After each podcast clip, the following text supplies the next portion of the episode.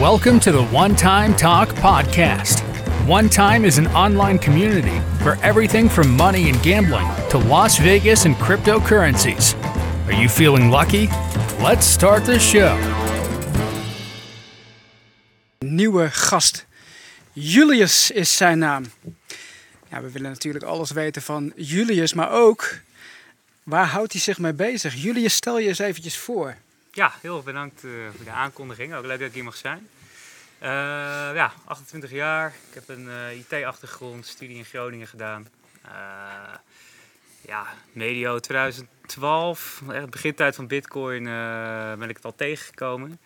Toen helaas. 2012. Ja, 12, 13, Ja. zoiets. Tijd van, Toen toen de Forex-website van Armijn. Precies. Toen nooit gekocht, helaas. Eh 2015, omdat het zo vaak weer terugkwam, toch een keer naar gekeken. En zo ben ik eigenlijk ingerold. En eh altcoins gedaan, ICO's. Nou, dat is nu allemaal klaar. Ik ben nu echt puur een eh, Bitcoin maximalist, zoals ze dat noemen.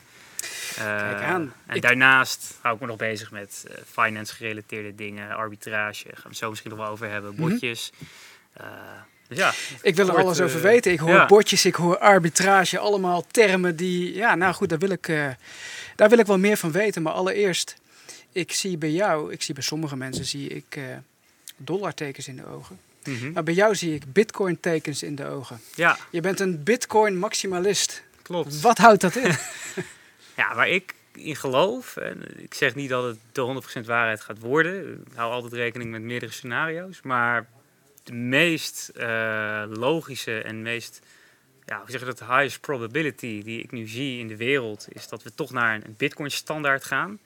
Nou, we kennen vroeger een goudstandaard tot 1974 ongeveer. En toen Mhm. heeft Nixon eh, de goudstandaard afgeschaft. En dus ook de, de, de, de guldens toen nog en de franken, die, die konden dan voor dollars werden geruild. En de dollars stonden altijd in een bepaalde verhouding tot goud. Dat is toen losgelaten. En dat is eigenlijk het systeem waar we nu nog steeds in leven. Dus dat bestaat eigenlijk nog maar 40, 50 jaar. Mhm. En je ziet dat het gewoon nu valt. Je ziet dat de, de marktbewegingen zo extreem zijn met de huizenmarkt en, en eerdere crisissen gehad, hè, de dotcom-bubbel. Ja. En waar eigenlijk de centrale banken nu zijn achtergekomen is, we kunnen ons uit een crisis printen. Eh, en dat gaat in mijn optiek uiteindelijk leiden naar het verlies van waarde van de euro, de dollar, de pond, de yen. En je ziet het eigenlijk al in, in heel veel andere landen buiten de rijke beschavingen, om het zo maar even te noemen, dat valuta's falen. En En hoe zie je dat dan bijvoorbeeld? eh, nou, het meest obvious voorbeeld is eh, Venezuela. Maar eh, zelf ben ik bijvoorbeeld een keer in Argentinië geweest. En dan kon je dan pinnen voor 1 euro. Kreeg je 10 Argentijnse peso. Mhm. En dat was allemaal door de staat geregeld. Die hadden dat met, met wetten en regels. Moesten banken dat gewoon, die, die eh pack noemen ze dat. Dus 10 peso's voor een euro, dat noemen ze dan een pack. Moest gewoon gehanteerd blijven. Terwijl als je gewoon op straat de, de lokale burgers aansprak. En er stonden gewoon echt mensen op, op pleinen. Die gaven je 14 pesos voor de euro. Omdat eh, zij gewoon die pesos niet willen hebben. Dat is gewoon een valuta die waardeloos is. Die verliest elk jaar 20, 30 procent eh, koopkracht. Ja. Dus stel je bent een familie, vader, moeder en je hebt een kind. Nou, die wil je op een keer naar een goede universiteit sturen. Dus daar heb je misschien 10 jaar voor nodig om te sparen. Mhm. Ja, dan ga je dat niet in peso's doen. Nee. Dus die gingen euro's kopen van toeristen of dollars van Amerikaanse toeristen. En dat heeft mij ook al aan het denken gezet van ja, wat is een valuta überhaupt? Exact. En zo ben ik helemaal ja, de rabbit hole, zoals ze dat noemen, Ja. ingedoken van wat is geld? Wat komt het überhaupt vandaan? En dan realiseer je dat bitcoin de ja, meest recente vorm van geld is. Dat is een eh, ja, innovatie van het geldsysteem op zich. En waarom is het een innovatie? Eh, nou, wat ze eigenlijk gecreëerd hebben is digitale schaarste. Eh, en dat klinkt heel, ja, heel abstract. Maar je moet het eigenlijk een beetje vergelijken met iedereen die ja, vroeger in de begintijd van internet nog heeft eh, meegemaakt. Dat je bijvoorbeeld mp3'tjes kon downloaden op LimeWire. En, ja, dat is dus geen schaarste. Mhm. Eh, en internet en, en de digitale space staat eigenlijk bekend om, om eh, ja, het tegenovergestelde van schaarste. Ja. Alles is er in abundance. Je kan, hè, elke seconde wordt er aan eh, 20 uur YouTube geüpload. En eh, zo kan je nog honderden voorbeelden noemen hoeveel content op internet is. En dat Ja. is allemaal te kopiëren met een rechtermuisknop en een eh, kopieeroptie. En Bitcoin kan het niet. Precies. Uh, en dat is inherent in het protocol. Uh, die innovatie die ze dus, dus gecreëerd hebben, en het is dus geld, hè, valuta, dat creëert in, in de essentie de, de waarde van, van Bitcoin, die schaarste. En als mensen daar waarde aan hechten, dan gaat dat zeg maar als een soort van netwerkeffect. Hè, hoe meer mensen erin geloven, hoe waardevol het wordt. Waardoor, het nog waardevol, of, uh, waardoor er nog meer mensen erbij komen. En dat zie je eigenlijk de afgelopen twaalf jaar langzaam groeien. Ja. En, uh, ja. Maar gaat, sorry, gaat, gaat, verwacht je dan dat bitcoin zeg maar, uh, het nieuwe betaalmiddel wordt? Moet ik het zo zien of dat niet? Nou, ja, dat is een heel goed punt. Uh, dat is ook altijd het kritiek van, op, op bitcoin. en als je dus ook gaat verdiepen in hoe bijvoorbeeld goud tot stand is gekomen. Ja. Dat was ook geen betaalmiddel. Dat was gewoon een heel bijzonder middel wat mensen op een gegeven moment wouden hebben.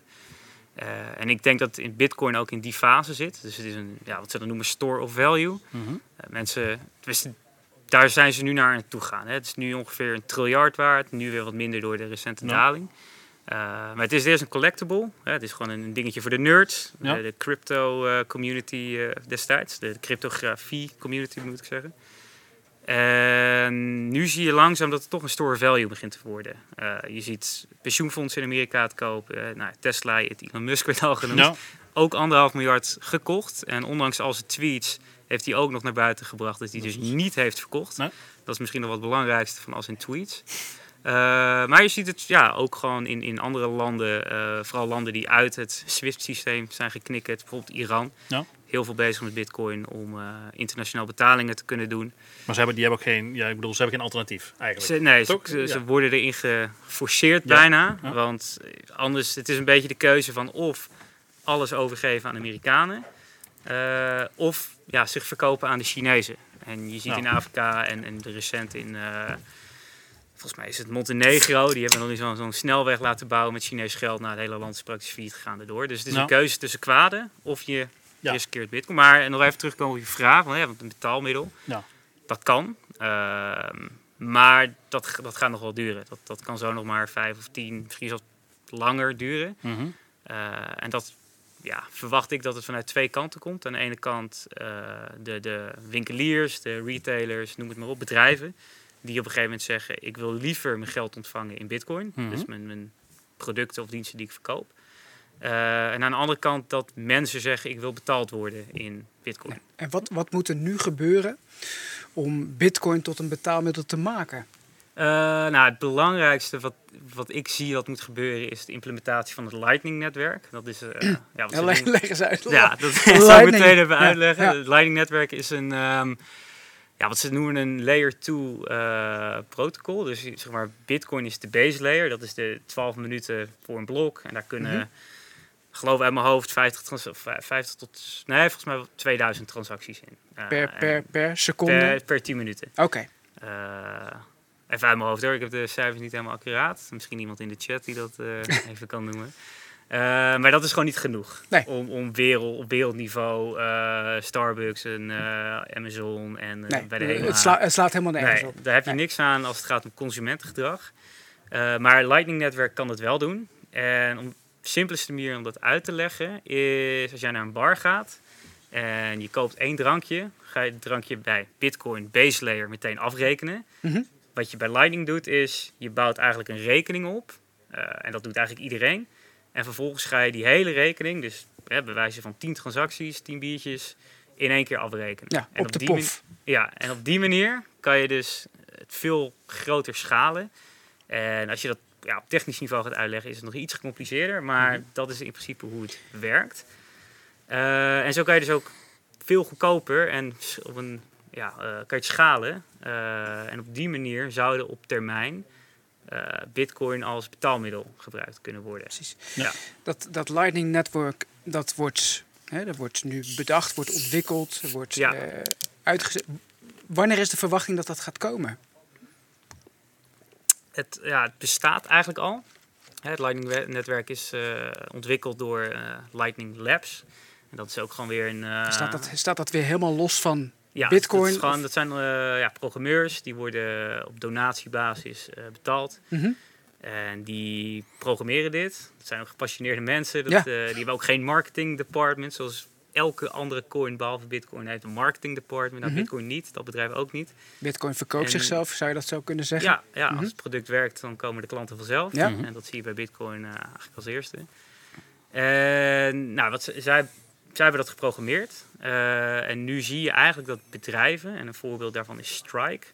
eh, die, wat die eigenlijk doen is, ehm, die bouwen zeg maar ja, websites waar mensen zich, eh, ja, een beetje als Bitfavo, je maakt een account aan. Mhm. En die kunnen lightning transacties doen. En de use case... Stripe of Strike? Strike. Strike. S-T-R-I-K-E. Oké.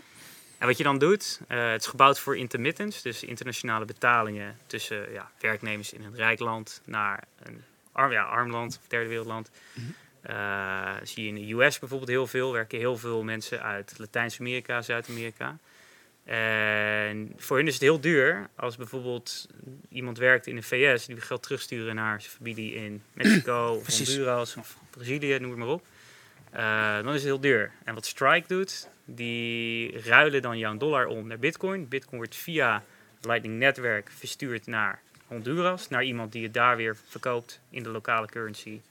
En zo faciliteren zij dus internationale betalingen. Ja. En de consument die ziet hier niks van. Het Nee, gebeurt gewoon. Het gebeurt instant. Ja. eh, ja, penny on the dollar, zoals Mhm. we het noemen. Je betaalt bijna geen transactiekosten. Ja. En dat zou ook geïmplementeerd kunnen worden bij winkeliers, bij webshops. Bij, Ja, maar eh, je, je Nou. noemt hier wel iets. Het is wel een, een- Ja, een ja. revolutionair wat dat betreft. Ik had er nog nooit van gehoord. nee.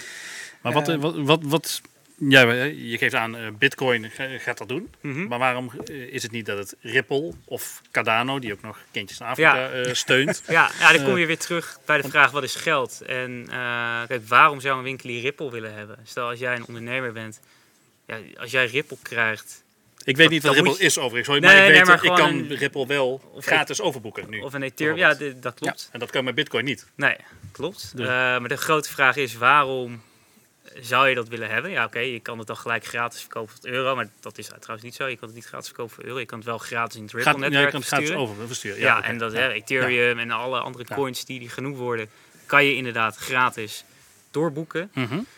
Eh, maar de vraag is, ja, waarom zou je dat willen hebben? Dat ga je dan meteen verkopen. eh, weer naar een euro. Maar ja, euro wil je eigenlijk ook niet hebben, want dat verliest alleen maar waarde. Dat is volgens mij net werd Ja. het gesprek met Armijn en eh Harmen genoemd. Hè. De debasement en de centrale bank kan gewoon triljarden creëren Ja. uit vinger. Eh, en daarom moet je eerst, als je een werkende currency wil hebben, store of value hebben. Dat mensen er waarde aan hechten. Want als je er geen waarde aan hecht, ja, waarom zou je er dan Ja. Maar In- Ripple in- heeft ook een waarde, toch? Of niet? Of, of, of- ja, maar in mijn optiek is dat zwaar Oké, eh, dat- gemanipuleerd. ja. 70% van die coins zit in de handen van een reserve. Mhm. Dus die kunnen zelf eh, ja, heel makkelijk die waarde eh, manipuleren Ja, daarmee. maar dat zeggen, ze, dat zeggen ze over bitcoin, zeggen ze dat eh, ook. Eh, nou ja, de, de, wa of de coins zijn redelijk goed gedistributeerd. Mhm. Eh, je ziet natuurlijk nu wel recent dat het heel hard gedipt is door Elon Musk. Maar het is niet dat Elon Musk verkocht heeft. Ja. Die heeft, ja, wat ze zeggen, fut. Of hè, die heeft Ja. gewoon wat, wat berichten geplaatst wat die markt naar beneden meeneemt. Ja. En dat gebeurt al heel vaak. De bitcoin is al tien keer gecrashed met eh, ja, Nou. dubbele getallen. Maar is Bitcoin dan het enige die dat dan heeft? Ja, ik bedoel, er zijn, Nou, we hebben, er ja. zijn 20.000 muntjes die, Ja, er zijn. kijk, goud is bijvoorbeeld vanavond, eh, of vanavond eh, vandaag eh, ook al een keer genoemd. Hè. Ja. Ik weet niet meer wie dat precies zei, misschien jij of Armijn. Eh, dat goud is, heeft, heeft bepaalde eigenschappen ook, die Bitcoin ook heeft. Eh, bijvoorbeeld het waardevaste, het is decentraal. Hè. Er is niet één partij in de wereld die goud creëert. Mhm. hè. Dat is al duizenden jaren geprobeerd, maar niemand heeft Ja. dat ooit gedaan. Ehm, alleen het probleem met goud is, het is, ja, het is heel moeilijk om daarmee transacties te Ja, doen. ja En- of, of naar iemand anders eh, te brengen of ja, te hè, en het voor verhaal wat ik Ja. eerder noemde eh, hè, met, met Lightning. Als je bijvoorbeeld geld naar, eh, vanuit Amerika naar Brazilië wil sturen. Met Bitcoin, ook al doe je het op de base layer, dus dat je 20 euro transactiekosten betaalt, ja, dan gebeurt het wel binnen een half uurtje. Ja. En het is ook meteen gesetteld, zeg maar. Er kan niks meer gebeuren dat het geld weer terug wordt geboekt. Als je dat met goud wil doen, ja, dat ga je niet over Nee. land doen. Nee. Want dan kom je gewoon door bijvoorbeeld eh, Nicaragua. Nou, dat is een burgeroorlog aan de gang. Je komt door hele gevaarlijke landen. Dus dan ga je via zee. Nou ja, dan Ja, heb ja. je eigenlijk gewoon nog een marineschip erbij nodig om, om zeg maar 10 miljoen aan goud te verschepen. Ja. Ja. Dus de, hey, zoals recent in Amsterdam die overval, die pakken goud. Ja. Eh, die pakken niet Bitcoin. bitcoin. Want ja, dat, dat is niet een, een, iets wat je kan stelen door het uit iemand anders te pakken. Nee, Daar moet nee. je eh, ja, digitaal slim Ja. voor zijn. Maar Ja. dat is dus nog niemand gelukt om Nee, bitcoin te Aan de andere kant zijn er wel, het is wel heel erg kwetsbaar voor hackers en dat soort dingen, maar dat ligt niet aan Bitcoin Nee, zelf, het protocol. Nee, nee. Je had het er net over dat je eh, inzage kunt hebben in de hè, wallets. Ja. Wie zijn de houders? Kun je daar iets meer over vertellen? Ja, ja, dat is een hele mooie eigenschap van Bitcoin, is eh, de blockchain, de, de, ja, wat ze noemen de, de empowerment, zeg maar, hè, de, wat powert de blockchain. Ehm, en wat je daar dus mee kan, is dat eigenlijk elke transactie ooit ligt vast in de, in de blocks van de Mhm. chain. En die kan je dus gaan analyseren. Dus je kan daar op een gegeven moment patronen in zien. Dat bijvoorbeeld iemand die vijf jaar geleden zijn eerste bitcoin heeft gekocht op een wallet. Dan kan je bijvoorbeeld op een gegeven moment zien, hey, die heeft in die vijf jaar nog nooit verkocht. Die Ja. heeft alleen maar bijgekocht. En als je dat dan allemaal groepeert voor de hele eh, bitcoin blockchain, dan zie je dus eh, dat bijvoorbeeld het aantal ja, eh, grote accounts, dus accounts met grote hoeveelheden bitcoins, eigenlijk alleen maar groeit. Mhm. Eh, dat duidt dus op dat veel investeerders erin geloven, niet winst hoeven te nemen in euro-termen, maar gewoon zeggen: ik wil die bitcoin houden voor de lange termijn. Ja. Eh, dus dat is heel interessant om dat soort data te analyseren. Je kan bijvoorbeeld ook kijken naar hoe gedragen de miners zich, de hele belangrijke spelers in de ecosysteem. Hè, want miners in eerste instantie zou je denken doen het voor geld. Hè. Die, die hebben energie als input, daar Mhm. betaal je voor. En hun output is bitcoin die je verkoopt. Maar wat je eigenlijk ziet, vooral de afgelopen twee jaar, is dat die miners verkopen hun bitcoin helemaal niet. Ja. Omdat het zoveel in waarde stijgt, eh, gaan ze op een gegeven moment beursgang. Hè, bijvoorbeeld de Marathon Group in Amerika is een beursgenoteerd bedrijf. Die verkopen hun bitcoin niet, terwijl het een miningbedrijf is. Ja. En het enige wat zij dan af en toe hoeven te doen is ja, een nieuwe cash reserve. eh, dan wel door een lening. Hè, want ze hebben gewoon een cashflow door bitcoin die binnenkomt. En dan kunnen ze gewoon weer een lening op aanvragen. En dan kunnen ze weer energie mee kopen. En zo blijft dat bedrijf eigenlijk oneindig groeien. Ja. Het is eigenlijk dus een eh, dat bedrijf is meer ook dan meer, weer een investeerder in Bitcoin eigenlijk. Hè? Want ze hebben, de, Ja. zoals Tesla zegt, van ik heb eh 150 miljoen of, of anderhalf miljard aan Bitcoin gekocht. eh, Mhm. En die zetten we op de balans als, eh, als investering. Ja. Is eigenlijk zo'n eh, miningbedrijf. Hè? Die krijgt die Bitcoins die ze eigenlijk zouden moeten verkopen om eh, euro's op de bank te hebben. Maar die eigenlijk investeren ze het gewoon weer in Bitcoin of houden de Bitcoin. Dat- Ja, ja, klopt. Eens, eens in de zoveel jaar ehm, vindt er een halvening plaats. Een Ja. halving. klopt. Ehm, dat, gaat ook, dat staat ook in, eh, in relatie met, met die miners. hè. Mhm. Kun je daar iets meer over vertellen? Ja, kijk, eh, zelf ben ik geen miner. eh, maar ja, elke vier jaar gemiddeld. Hè, het gaat per 200.000 blokken. Dus elke blok is ongeveer 10 minuten. Nou, als je dat doorrekent, kom je ongeveer op vier jaar tijd eh, uit. Ehm, en wat er dan dus gebeurt, is de reward die miners krijgen. Ja, volgens mij is het al net een beetje uitgelegd hoe dat werkt. Mhm. Maar die wordt gewoon gehalveerd. Gewoon echt vanaf ene blok op het andere blok is in één keer reward gehalveerd. Dus het wordt minder, minder aantrekkelijk. Eh, ja, in, in, in die essentie wel. In één keer is inderdaad het winstmodel eh, van miners als corporatie in één keer gehalveerd. Mhm. Eh, wat je ook ziet is om, om die periodes heen, dus een half jaar ervoor en een half jaar daarna, zie je altijd hele grote verschuivingen in bijvoorbeeld apparatuur. Sommige gaan failliet en dan is er dus verouderde apparatuur. Die appara- miningapparatuur wordt steeds beter Mhm. en efficiënter. Eh, dus de, de miners met oude apparatuur, die gaan dan failliet. Ja. Die, die kunnen het gewoon niet meer winstgevend maken. Maar dan wordt die miningapparatuur weer goedkoper doorverkocht. Naar misschien plekken die het nog goedkoper kunnen minen met nog goedkopere stroom. Is het bijvoorbeeld Dus- in Nederland aantrekkelijk om te Nederland is minen? veel te duur. Is te tenminste, duur, als je hier op, ja. de- op het normale grid 20 cent per kilowattuur of, of 22 cent of zo, dat, dat ga je niet redden. Nee. Je moet volgens mij 7 cent per kilowattuur hebben, wil je op dit moment winstgevend zijn. Het zou Ja. nu nog weer lager zijn. Noem eens een land waar het nu super aantrekkelijk is. Nou ja, China, dat is natuurlijk Mhm. al heel veel ge- genoemd. Dat is het meest aantrekkelijke land om te minen. Eh, dat komt voornamelijk door de hydropower, dus rivieren met, met stuwdammen ervoor. Mhm. Eh, en dat zijn in hele eh, afgelegen gebieden.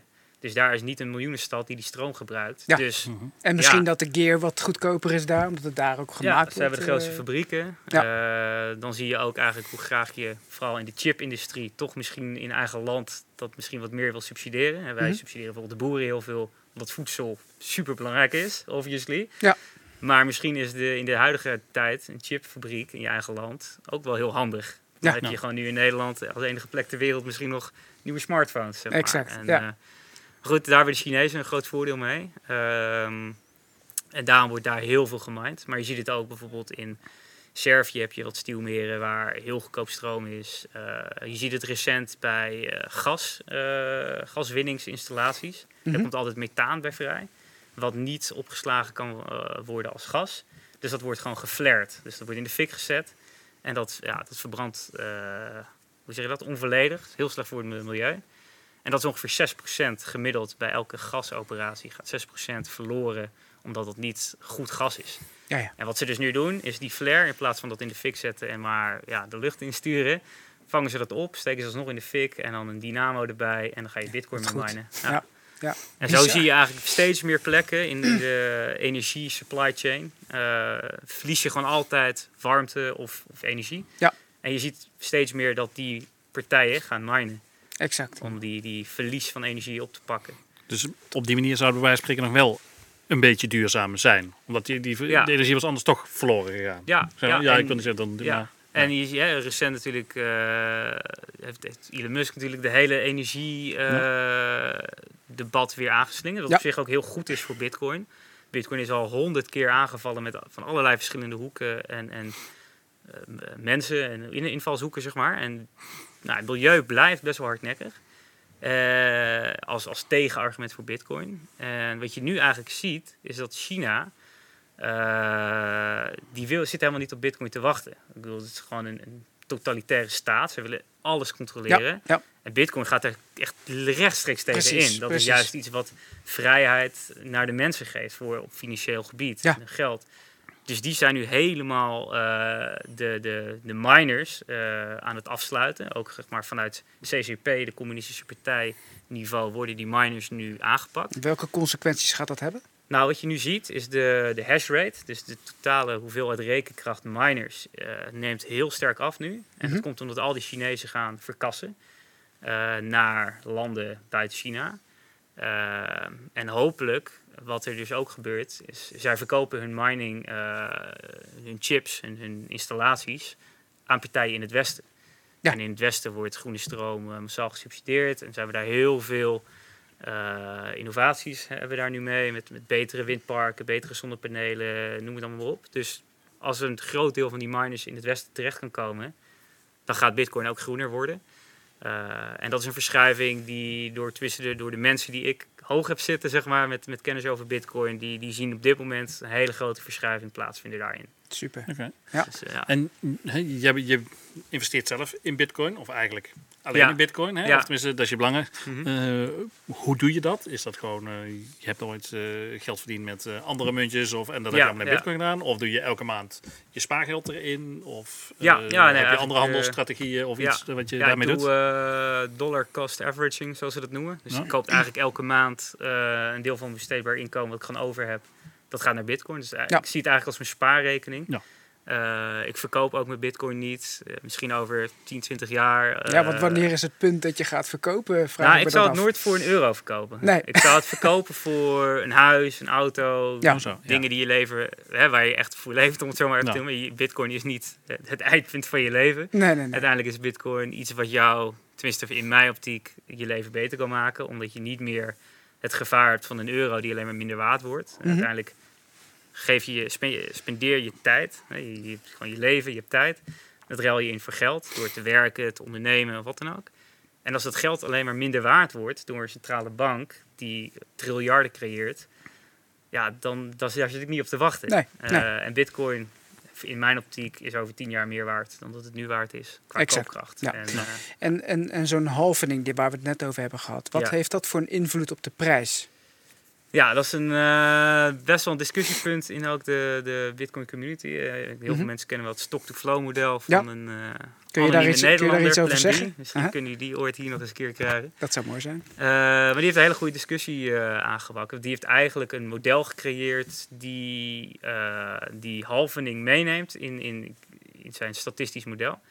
En die voorspelt daarop op, op basis van eh, dat het dus steeds schaars, wordt, schaarster, als ik dat goed zeg. eh, dat die waarde van bitcoin dus ook meer of hoger wordt eh, in euro-termen. Eh, ja, letterlijk omdat je gewoon de, de kraan van als je hè, elke blok, elke 12 minuten komen er op dit moment, even kijken, 25 bitcoins per blok komen Mhm. er op dit moment bij. En als het op een gegeven moment 12,5 wordt, dan komen, heb je dus minder aanbod. En heel simpel gezegd, vraag en aanbod. Als aanbod minder wordt, vraag blijft hetzelfde. Dan gaat de prijs omhoog. Ja.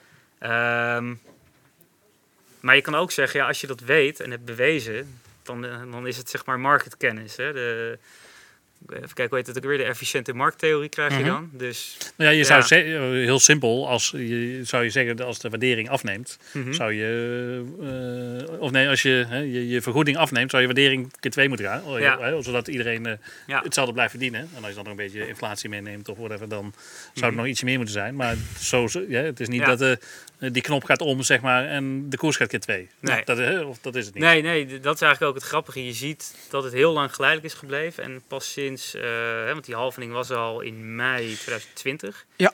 En pas in de laatste maanden van 2020 en begin 2021 begon bit, eh, Bitcoin helemaal Exact. op te lopen. Eh, en het is, heel, ja, het is een model, dus het is heel moeilijk dat te bewijzen of het ook echt klopt. En het is de vraag, is het leidend of is het volgend? Is het zeg Mhm. maar, volg je de koers en ga je dan vervolgens bekijken, ja, dat, is, dat kan ik verklaren door het stock-to-flow model? Of voorspel je de koers met het stock-to-flow model en kan je achteraf zeggen, hey, het stock-to-flow model. Dat heb je mooi Slaat nergens ja. op. eh, ja, oh, ja, Kan je, ook kan Ja. het proven of disproven Ja. uiteindelijk. Maar vooralsnog eh, loopt het eh, volgens het Ja, model. het eh, eh, dus, loopt heel eh, goed het model. Ik, ik, ik geloof ook zeker in de achterliggende idee daarvan. En, en, maar ik weet niet of je dat zo goed in eh, statistische getallen kan uitdrukken. Dat Ja. het precies, eh, volgens mij voorspelt het 288.000 dollar aan het einde van dit jaar. Ik weet niet of je Van dit jaar. Van Dit dit, jaar jaar, nog? inderdaad, Oké. 2021. Oftewel, Dat is pittig. Dat Koop. is, Moeten eh, kopen. Ja, zeker. ja.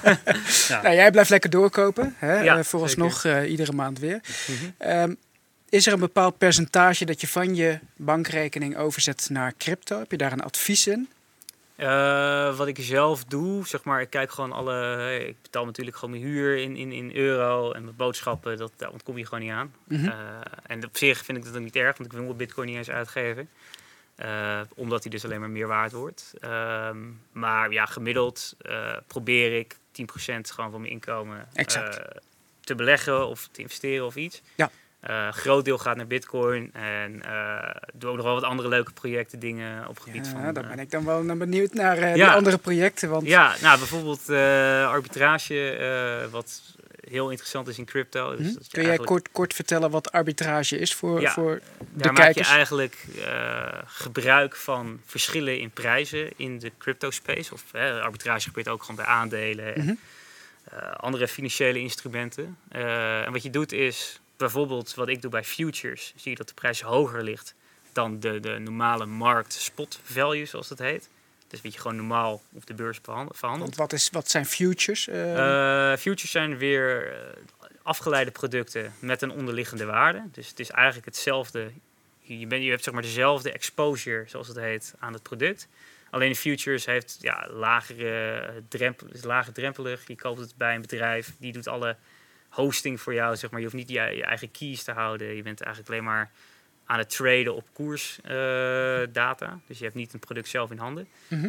Eh, nou, en wat ik dus doe is, ik eh, pak zo'n futureswaarde. En futureswaarden liggen vaak boven de, de normale markt. Niet altijd, maar vaak hoe, wel. hoe, waar, waar heeft dat mee te maken? Hoe kan dat? Eh, ja, dat komt vaak door, door hebzucht van de belegger zelf. Die kopen Maar die hebzucht is ook op de sport, spotmarkt. Ja, maar bij futures heb je hefboom. Dus daarom Hmm. ligt die waarde weer hoger. Kijk, en daar is iets interessants. Hefboom. Ja. Want wat is een hefboom? Eh, dat moet je eigenlijk zien als je koopt iets met een lening. Eh, dus ja, je koopt bijvoorbeeld vijf, eh, vijf bitcoins. Maar Mhm. zelf heb je eigenlijk maar aan één bitcoin geld. Oké, Dus, eh, en dat de, de tegenpartij of, of broker leent jou als het ware voor die transactie dat de is rest. virt- virtueel. Ja, betekent ook als jij eh, bijvoorbeeld een, een hefboom van 5 gebruikt, dat als de koers 20% daalt, dan ben je gewoon meteen eh, je investering kwijt. Oké, klaar. Gewoon Ja, over. Omdat je, ja, je moet altijd een dekking houden voor je belegging. En als je dus 20% daalt, maar je, omdat je vijf keer zoveel eigenlijk mhm. aan het, aan het beleggen bent, verlies je dus bij 20% daling. Zou je ook de min in kunnen schieten? Absoluut. Nou, eh, de meeste bedrijven geven je dan een zogenoemde margin call. Mhm. Dus dan stoppen ze gewoon jouw trade en zeggen ze tot hier en niet verder. Ja. En je bent gewoon alles kwijt. Ja. Eh, banken en financiële instellingen, die hebben dat niet. Oké. Dus die mogen negatief staan. En Oh, wauw. dan moeten ze dus in één keer geld hebben. En eh, daar komt oorspronkelijk ook grootte van je rente vandaan. Hè? Dat, dat je geld aan de bank geeft. Want daar kan de bank wat meer verlies staan in dit Mhm. soort transacties. Eh, maar tegenwoordig hebben ze het geld van de, de burger niet meer nodig. Want de centrale bank die geeft gratis geld. Ja. En daarom is jouw rente op de bank negatief. Ja. Nou, Oké, dus is, eh, de, de, de, de futures staan, eh, Oh ja, ja. de, fu- de futures Ja. staan hoger. Ja. eh, omdat jij mede met geleend geld koopt. Jij, en eh, dat, daar zit ook een stukje rente eigenlijk indirect eh, mogelijk in. Mhm. Eh, maar inderdaad, je, eh, je koopt met geleend geld. Ja. Bitcoins. Hè? Je, je kunt eh, het zo gek maken. Je hebt zelfs tot 100 keer met Ja. geleend geld. En, en dus eh 1% waardestijging als dat je een long positie neemt, betekent 100%. ja, en ik, maar en ik hoor, hoor de kijker denken, hé, maar dat is interessant. Maar dat is wel goud geld verdienen. eh. Nou ja, als het stijgt. eh, de- ligt eraan, kijk, wat, eh, Julius doet is iets anders. Hè, want hij verkoopt de future tegen Bitcoin die eh 101 staat. Ja. Ik noem eens even. Hè, dat staat hier niet. Maar, en hij koopt de Bitcoin op de gewone beurs voor 100. En dan zit 1% verschil tussen. Ja, Nou, En dan pak je die 1%. En dat is zo simpel gezegd. Hè, zo, Mhm. het, het klinkt soms te mooi om waar te zijn. Maar dat Mhm. is eigenlijk hoe het werkt. Ja, precies. Alleen Ja. je moet wel zorgen dat je je dekking hebt voor je future. Hè? Dus daar moet je geld voor hebben.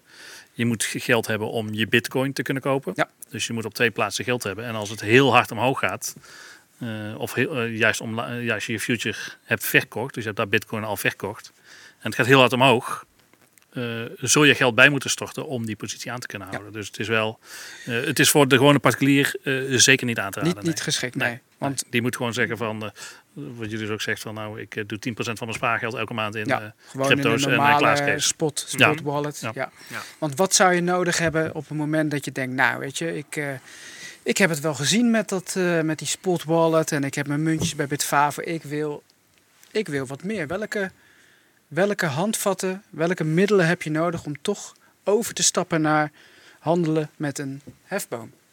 Ja, eh, sowieso heel veel informatie eh, daarover inwinnen voordat je daar aan begint. Het is gewoon super. En waar haal je die eh, informatie riskant. vandaan?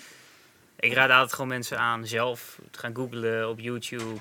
zoveel mogelijk verschillende bronnen in te winnen. Niet, niet invest, investing.com of zo te gaan lezen, wat ook goede info heeft, maar gewoon echt zoveel mogelijk. En op een gegeven moment ga je dan wel een beeld vormen en krijg je er een gevoel bij. En eh, dan ga je misschien een keer met, eh, je kan gewoon op, eh, op Binance, op grote internationale exchanges, kan je gewoon een futures rekening krijgen. Kan, ga je- ieder- kan iedereen dat? Ja, ja. Oké, En dan ga je gewoon maar beginnen. En dan zul je waarschijnlijk meteen failliet gaan door dat je veel te veel risico neemt. is dat bij jou ook gebeurd?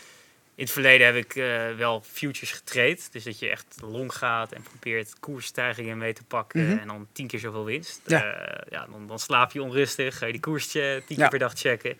Want en kun je die posities gaan ook over de nacht? Of is ja, het dat is gewoon kort? 24 Of... 7 dat Precies. Is, eh, is ja, gewoon non-stop. Ja.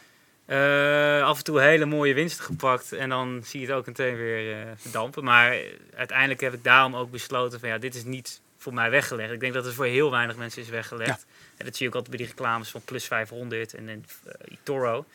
70 of 80 procent van de mensen verliest geld. Mhm. En als je denkt dat je het kan verslaan, ja, dan moet je van hele sterke huizen komen. Ja. En dat heb ik pas na drie jaar geleerd. Maar Precies. wel een wijze les. En toen heb ik gedacht van ja, maar er valt toch nog wat te halen. En hoe heb jij dat, want je, je, je begint daar niet zomaar aan. Hoe Nee. heb jij eh, jou dat zelf eigen gemaakt? Ja, ik ben al op mijn zestiende begonnen met beleggen. En toen ben ik eigenlijk bij eh, de Forex website. eh, eigenlijk bij Forex, dat doe je sowieso met een hefboom. Want dat verandert misschien een keer een procentje per dag. En Forex trading was toen heel, eh, ja, heel upcoming om het zo maar even te noemen. Mhm. Tegenwoordig heb je plus 500, eToro of die grote platformen waar je dan eh, Forex kan traden. Zo ben ik eigenlijk begonnen met lef- hefboom traden, met Ja. leverage. En ehm, ja, uiteindelijk heb ik me toch gerealiseerd dat, dat je daar echt op professionele huizen moet komen en het echt je fulltime job moet van gaan maken. Ja, ja. Ehm, dus ja, zo ben ik daar ingerold, maar ook weer uitgerold. omdat Ja. ik het, eh, Ja, maar dit- uiteindelijk dit- heb je nu, ja. ja. je hebt een, een modus Ja. gevonden waarin je toch hè, een, een, een extraatje kunt verdienen. Ja, ik, eh, ik heb daar een, een bot voor geschreven. Ik eh, heb een IT-achtergrond. Ja, precies. Eh, en die gaat automatisch de, de beste arbitragemogelijkheden eh, opzoeken en automatisch uitvoeren. Eh, en hopelijk komt daar binnenkort een, eh, ook iets voor andere mensen, publiekelijk. eh via Kijk. one time gaat dat allemaal wel gebeuren. Kunnen we gewoon wat geld naar je overmaken of Nou, bitcoins? nee, dat is het mooie. Iedereen kan die bot gewoon zelf runnen. Ik wil ook helemaal niks in beheer doen. Dat, daar zit ik helemaal niet op te wachten. Het is allemaal stress en verantwoordelijkheid. Dus dat kunnen mensen zelf die bot installeren Ja, en hoe, runnen. hoe, hoe, hoe ja, ik, ik, ik hoor bot en ik zie iets bewegen. Ik zie, Ja. ik, ik, zie nog niks voor me. Hoe, Nou, je moet het gewoon zien als een, een scriptje wat voor jou belegt. Oké, Eh, of belegt, aan munten koopt, verkoopt. en dat scriptje dat, eh, dat zet je op je computer? Of, of- dat, dat draait gewoon op een server, dus dat hoef je alleen op in te loggen. En, maar goed, dat, is- dat, dat is En nu dan- nog niet klaar. Dat hoop ik over een week of twee dat ik dat een keer kan gaan testen publiekelijk. En ja, zoals ik zei, ik wil er ook niet een, een echt product van maken dat ik dat ga verkopen en dingen in beheer neem. En ik ga ook geen klantenservice of zo. doen. Nee, nee, wel voor een beetje de doorgewinterde crypto eh, persoon die dat interessant lijkt. gewoon, gewoon low profile. Eigenlijk in eerste instantie gewoon voor jezelf. Want je, ja, je maakt een bot omdat je, Ja. Nou ja, je wilt jezelf vergemakkelijken. Ja. En misschien ook wel een stukje de emotie eruit halen. hè? Absoluut, absoluut. en het eh, ook gewoon een stukje passie, IT, crypto, wat samenkomt. Nou, dat is precies wie ik ben. Ja, Eh, ja. Maar het- is een hele andere manier van eh, investeren in crypto's dan eh Ja. 99% van de mensen in crypto doen. Want Ja. 99% koopt gewoon eh, bitcoin en hoopt dat het omhoog gaat. En Ja, that's it. Ja. En dit is een, eh, ja, een risk-free-achtige slimme strategie. Meer, Ja. zo moet je het eh, zien dan dat het eh, iets is. Maar het is dus zeker niet voor de... Voor die retail, voor de Nee, van die retailbeleggers is het helemaal niet geschikt. Maar op het moment dat Julius eh, zijn botje lanceert en zegt... Nou jongens, eh, je- hier heb je de, de API en... en, en, Mhm. en, eh, dan, dan zou het met een paar drukken op de knop ook voor mij geregeld zijn. En kan ik gewoon schijnbaar achteroverleunen. Ja, ja, kijk, als het aanslaat, dan, dan ga ik het nog wel wat, misschien wat, wat eh, laagdrempeliger maken. Met, met een tutorial erbij en een uitleg hoe het werkt. En Ja. ook wat, je, wat jij net zei, de, wat heel mooi is van de cryptomarkt, is het is voor iedereen, zeg maar. Hè? Mhm. Vroeger, of vroeger eigenlijk nog steeds, als jij bijvoorbeeld arbitragemogelijkheden wil eh, ja, gaan uitbuiten eigenlijk, op bijvoorbeeld de aandelenmarkt, dat is onmogelijk. Ja. Dan, dan, dan ga je con- concurreren met eh, flow traders en, en dat soort lui die, die miljarden investeren in om zo snel mogelijk bij die beurs te komen. En Precies. Zit je tegen de meest eh, slimme programmeurs eh, te vechten eigenlijk. En Maar is het niet zo dat deze markt, die staat nog een beetje in zijn kinderschoenen. Ja. Maar dat gaat natuurlijk dat, dat uite- uiteindelijk, gaat uiteindelijk eh, weg inderdaad. En, Ja. en daarom is het nu nog interessant en kan iedereen daar ook aan meedoen. En ja, dat, dat is nu nog heel mooi, maar waarschijnlijk over vijf jaar, misschien tien jaar, dat echt meer grote spelers, hedge funds en, en misschien zelfs pensioenfondsen dit ook gaan doen. Want de percentages die zijn bizar. Ja, dus eigenlijk. Ik ja, ga jou eh, even onderbreken, Frank. Ja, nee. Want we gaan, eh, we gaan afsluiten. Voor deze keer, want ik zie Ja. dat eh, de tijd op is. Ik ga jullie nog één keer doornemen, meenemen naar de tussenstand. Kijk, daar zijn we. Wie staat er daar bovenaan? Ja, ik kan het, eh, ik kan het stond net lezen. iemand bovenaan. Oh, daar gaat hij weer. Hey, switch. Eh. Tor staat bovenaan met 6% rendement in twee jaar tijd. Daarna hebben we Aave, Ja, dat is ook een toppetje. 5,5%. Oh, en nou is Ethereum weer bovenaan. Maar eh Vitor Token komt er ook aan gesneld. Waves, Stellar. Ene laatste Bitcoin. En onderaan Toch die bitcoin, Staat die dollar eh, Julius. Ja, ik heb zo mijn best gedaan toch van je eh, tegen. om mensen te overtuigen Ja. om snel te kopen, Ja. die koers op te Er komt nog stu- één, eh, één nieuwe gast dadelijk. Ja, en dan ik, ja, Julius, eindstand. ik had nog zoveel vragen. Ja, maar goed, we zeer hebben, toch, interessant. ja, Ja. we hebben toch nog zoveel. ja. Dankjewel. We Ja. kletsen nog een keertje na, Jullie laten we heel erg bedankt. Dankjewel, dankjewel. En succes. Thank you for tuning in to this episode of the One Time Talk podcast. Make sure you're subscribed so you don't miss any future episodes. In the meantime, you can join our online community and find more info about gambling, cryptocurrencies, and more at onetime.nl.